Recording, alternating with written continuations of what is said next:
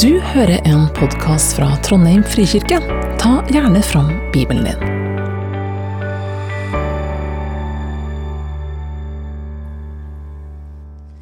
Da skal jeg lese fra Lukas 1, vers 39 til 56. Noen dager senere dro Maria av sted og skyndte seg opp i fjellbygdene, til den byen i Juda hvor Zakaria bodde. Der gikk hun inn til Elisabeth og hilste på henne.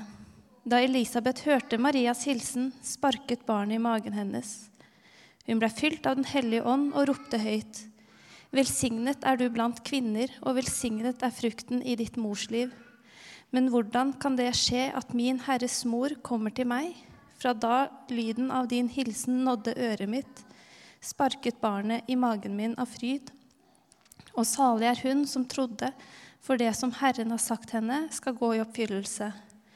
Da sa Maria, min sjel opphøyer Herren, og min ånd fryder seg i Gud, min frelser.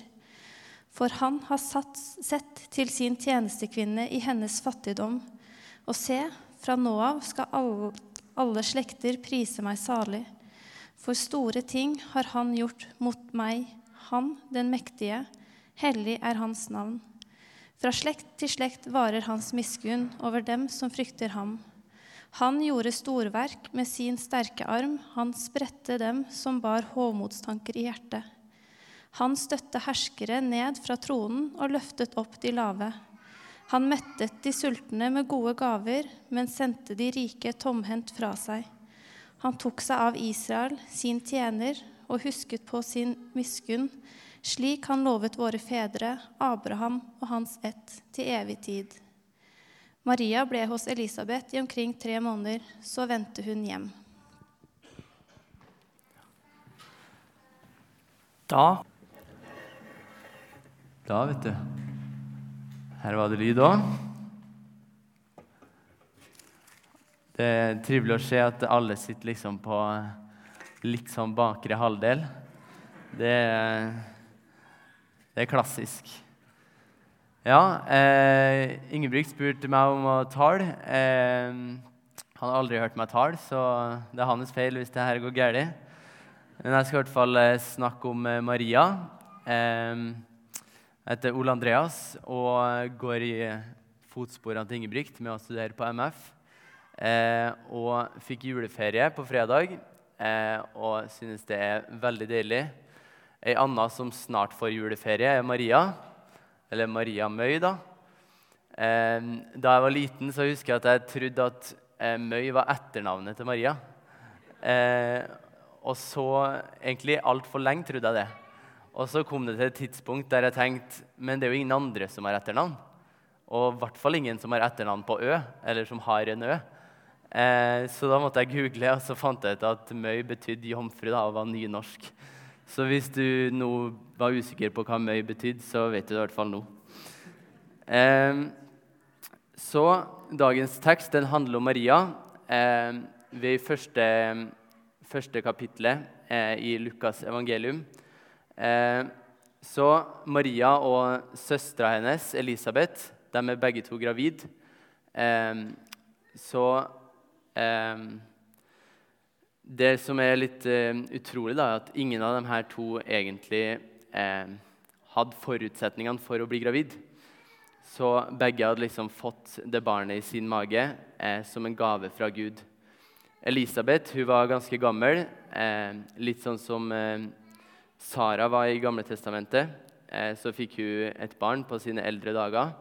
Eh, mens Maria ja, hun var jo møy, altså jomfru. Eh, og det sier jeg jo sjøl er et under. Eh, Maria hun var en fattig jente, eh, og hun hadde fått barn utafor ekteskapet sitt. Eller ikke utafor ekteskapet sitt, men ja, utafor ekteskap. Eh, og på denne tida så var det ganske skambelagt. Jeg vet ikke hvordan det er i menigheten her, men i hvert fall på denne tida var det skambelagt. Eh, og eh, i tillegg var det ganske ulovlig. Så hvis feil folk fikk vite om at eh, Maria var eh, gravid utenfor ekteskap, så kunne hun få dødsstraff i verste tilfelle. Eh, og jeg har aldri vært gravid, og det kommer jeg nok aldri til å være heller. Men jeg tror Maria hadde det ganske tøft som gravid. Og de som har vært gravid, har nok kjent at det å være gravid det er ikke bare enkelt. Men jeg tror jeg vet lite grann hvordan det kan være. Fordi når jeg skulle hjem eh, på juleferie eh, på fredagen, så ringer han jeg bor med. Han ringer meg og hører eh, du, du har ikke lyst til å ta med tingene til togstasjonen. Eh, fordi jeg rekker ikke å hjemom fordi vi skulle ta samme toget. Og så sa han liksom ja, det er en sekk, og så er det et par tau. Eh, ja, jo, det kan jeg sikkert få til. Eh, men eh, ja, ja. Nei, det går nå sikkert bra. Og så legger jeg på, og så tenker jeg ikke så mye over det. Og så er det liksom en time til jeg skal dra. Og så har jeg fått noen meldinger om noen ting som skal oppi den sekken. Og så kjenner jeg at den sekken er jo blytung. Og de tauene er jo sånne klatretau, så de veier jo litt, dem òg. Eh, så da var det bare å få, få på seg utstyret. Da kan du vise bildet. Der hadde jeg da to klatretøy over meg, en sekk i hver hånd og et par poser med ting jeg ikke fikk plass til. Og i tillegg en sånn 90-litersbag på ryggen som du ikke ser.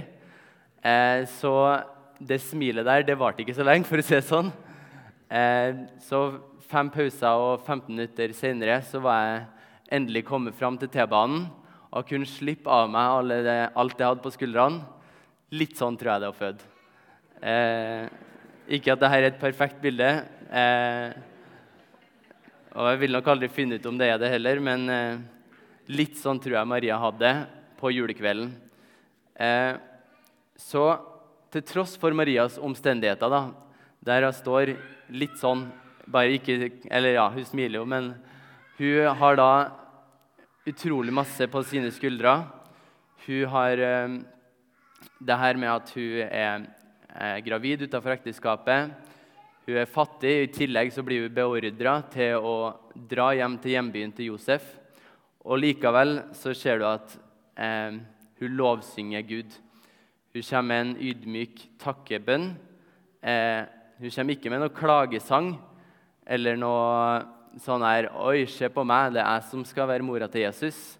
Hun er heller ikke cocky, som jeg sier, da. Eller hovmodig. Eh, hun velger rett og slett å eh, takke Jesus eh, for det hun har fått. Eh, så eh, Jesus han ble liksom født inn i en eh, familie som var veldig enkel. Maria hun var liksom en hvilken som helst jente.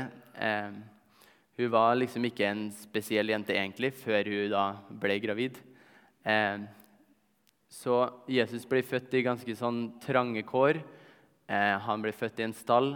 Eh, Dette var litt sånn eh, spoiler da, for dere som ikke vet hva som skjer på julaften. Men eh, eh, i hvert fall så blir han født i ganske sånn kjipe kår. og i Hebreerne 4,15 så står det For vi har ikke en øverste prest som ikke kan lide med oss i vår svakhet, men en som er prøvet i alt, på samme måte som vi, men uten synd.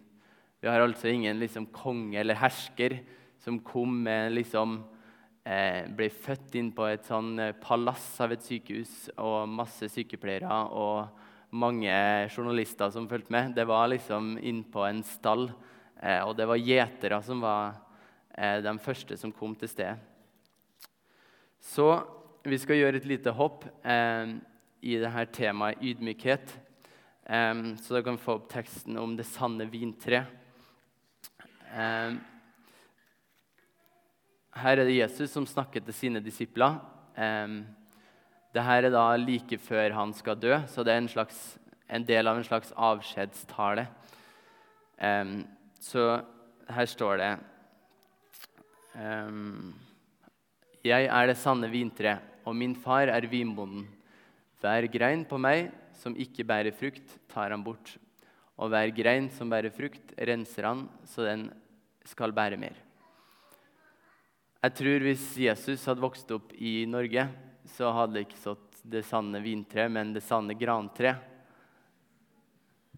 Så eh, siden det snart er jul, så har jeg tatt meg friheten jeg håper jeg ikke blir kasta ut for det her, eh, til å bare bytte ut noen ord. Eh, så kan du ta neste bilde. Så da leser vi fra Johannes 15, vers 1. Jeg er det sanne grantre, og min far er juletrebonden. Hver grein på meg som ikke bærer barnåler, tar han bort, og hver grein som bærer barnåler, renser han så det skal bære mer. Barnåle, altså frukta. Dere er alt rene på grunn av det ordet jeg har talt til dere.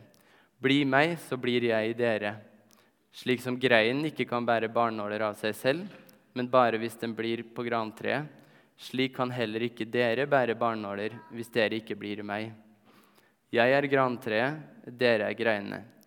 Den som blir i meg og jeg i ham, bærer mange barnåler. For uten meg kan dere ingenting gjøre. Den som ikke blir i meg, blir kastet utenfor som stein, nei, som en grein og visner. Og greinene blir samlet sammen og kastet på sankthansbålet, og det brenner. Hvis dere blir i meg, og mine ord blir i dere, be da om hva dere vil, og dere skal få det. For ved dette blir min far æret, at dere bærer mange barnåler og blir mine disipler. Jeg skjønner, i hvert fall denne teksten litt mer enn uh, denne vinrankene, fordi det har jeg aldri sett.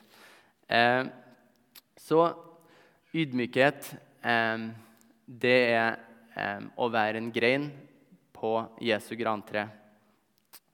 Så her er tre punkter. Første punktet er ydmykhet handler om å sette Gud over seg, ikke å gjøre, det, ikke gjøre seg sjøl til Gud. Altså, vi skal ikke prøve å være grantreet sjøl. Vår oppgave er å være en grein. Vår oppgave er ikke å liksom eh, være sjefen.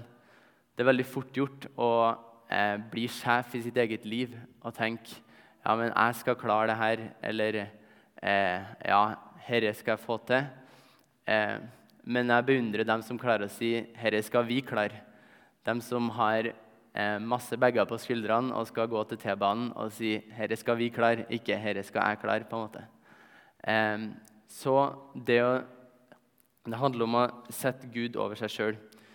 Eh, det er også veldig fort gjort eh, å sette seg sjøl som sjølve treet eh, når man skal bære andre. Eh, som en leder i menighet eller som en leder for noen annen, så har du en oppgave med å bære andre greiner. Eh, men den oppgaven blir veldig vanskelig hvis, eh, hvis du blir, et, hvis blir treet sjøl. Fordi da har du ikke liksom kobla deg på næringa, altså Gud. Eh, så også som leder eh, så er det viktig å være påkobla Gud. Hvis ikke så blir du som det juletreet i stua, som uansett hvor mye det blir vanna av mennesker, så vil det visne. Eh, det vil dere dessverre erfare om noen uker.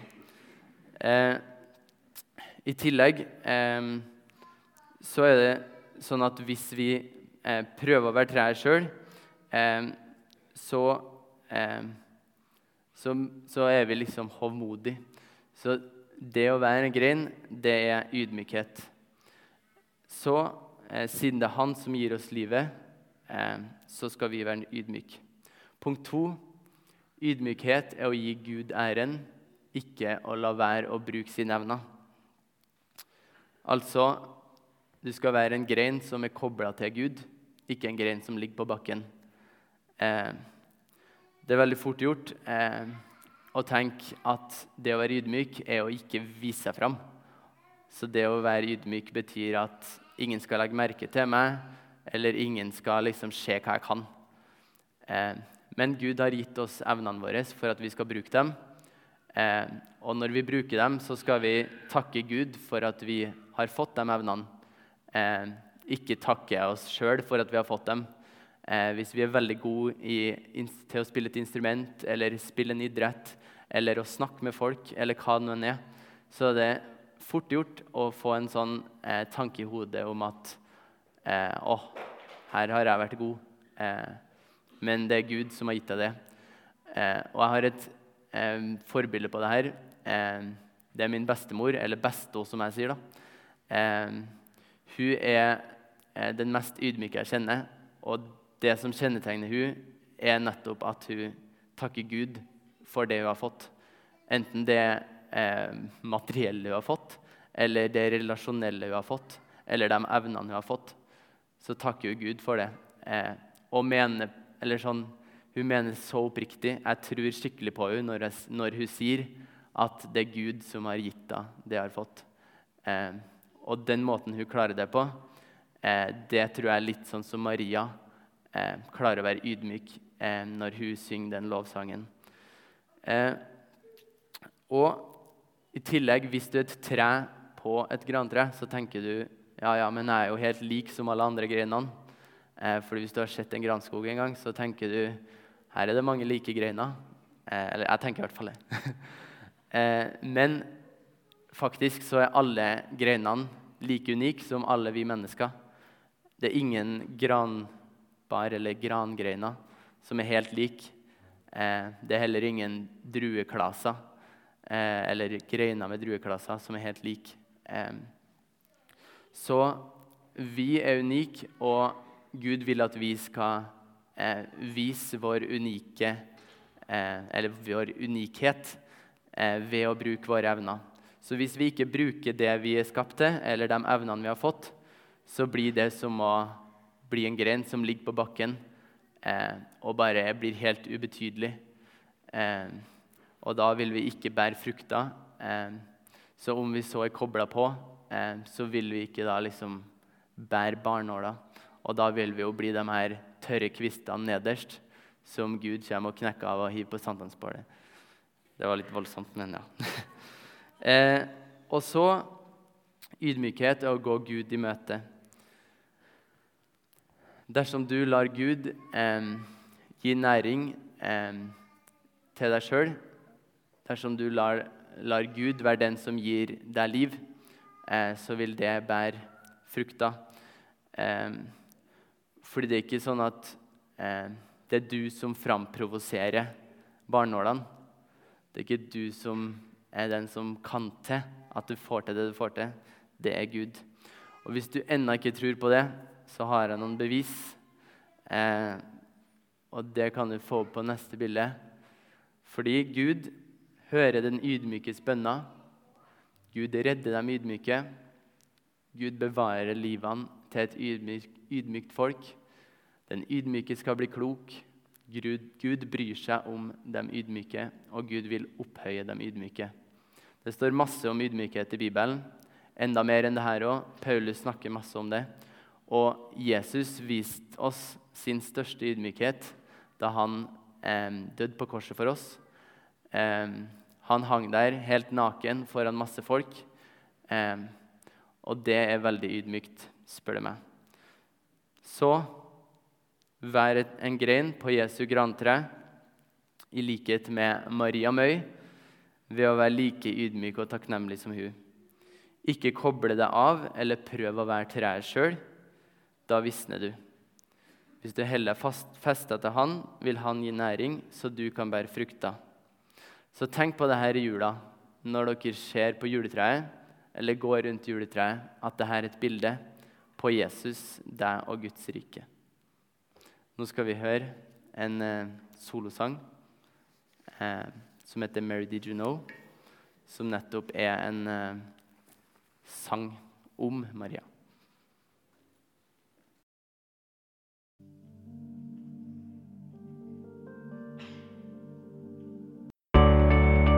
For at du hørte på. Velkommen til gudstjeneste søndager klokka 11. Mer informasjon finner du på trondheim.frikirke.no.